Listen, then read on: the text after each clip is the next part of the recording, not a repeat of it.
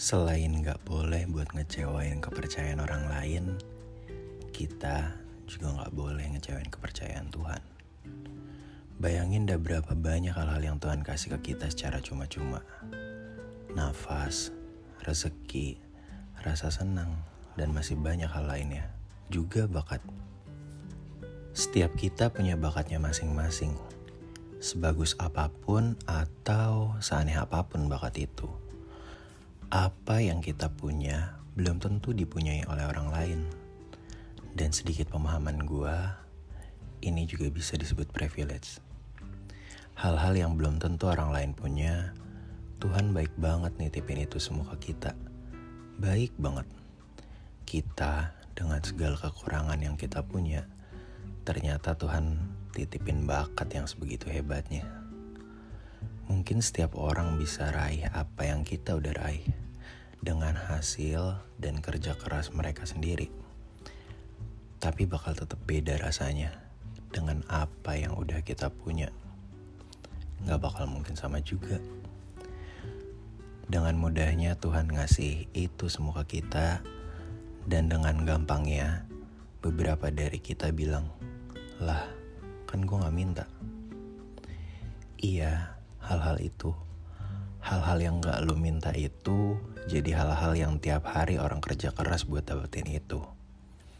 Hal-hal yang gak lu minta itu jadi hal-hal yang tiap malam banyak orang memperpanjang waktu kerja mereka dengan menggelar sejadah dan duduk sila di atasnya. Kenapa gak bisa bersyukur sedikit aja buat hal-hal yang kita udah punya? Masalah nanti ke depan mau kejar apa lagi itu nanti. Bersyukur dulu buat hal-hal yang udah lo dapetin sekarang. Kenapa kita selalu jago mengelak ngebantah dan teman-temannya? Sedang hal-hal yang orang lain pengen milikin itu hal-hal yang kita nggak mau buat milikin itu. Menerima adalah bentuk kesederhanaan hidup. Bukan karena kita nggak bisa buat mencapai hal-hal baru tapi lebih ke menerima adalah menerima. Kelak suatu saat hal-hal yang kita ingin capai adalah hal-hal yang kita harus terima juga. Suksesnya, baiknya, menangnya, hal-hal baiknya, juga kegagalannya. Kita ingin mencapai kesuksesan, juga harus siap menerima kalau suatu saat kita bisa aja gagal. Kita ingin meraih tangga tertinggi dalam hidup, berarti juga harus siap menerima kalau suatu saat kita harus terjatuh. Tidak ada yang tahu kapan ia jatuh atau gagal, tapi setidaknya dengan menerima kita bisa sedikit mempersiapkan kasur busa untuk jatuh kita nanti. Repot memang, tapi tidak lebih repot dibandingkan harus mempersiapkan dana untuk biaya berobat sehabis kita terjatuh.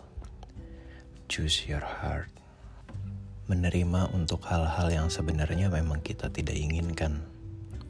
Tomorrow, when the same thing come to me, I can do much better.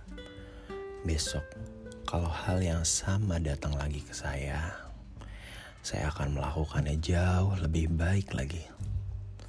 Toh kalau ternyata juga tak lebih baik dari apa yang udah kita usahakan kemarin, terimalah.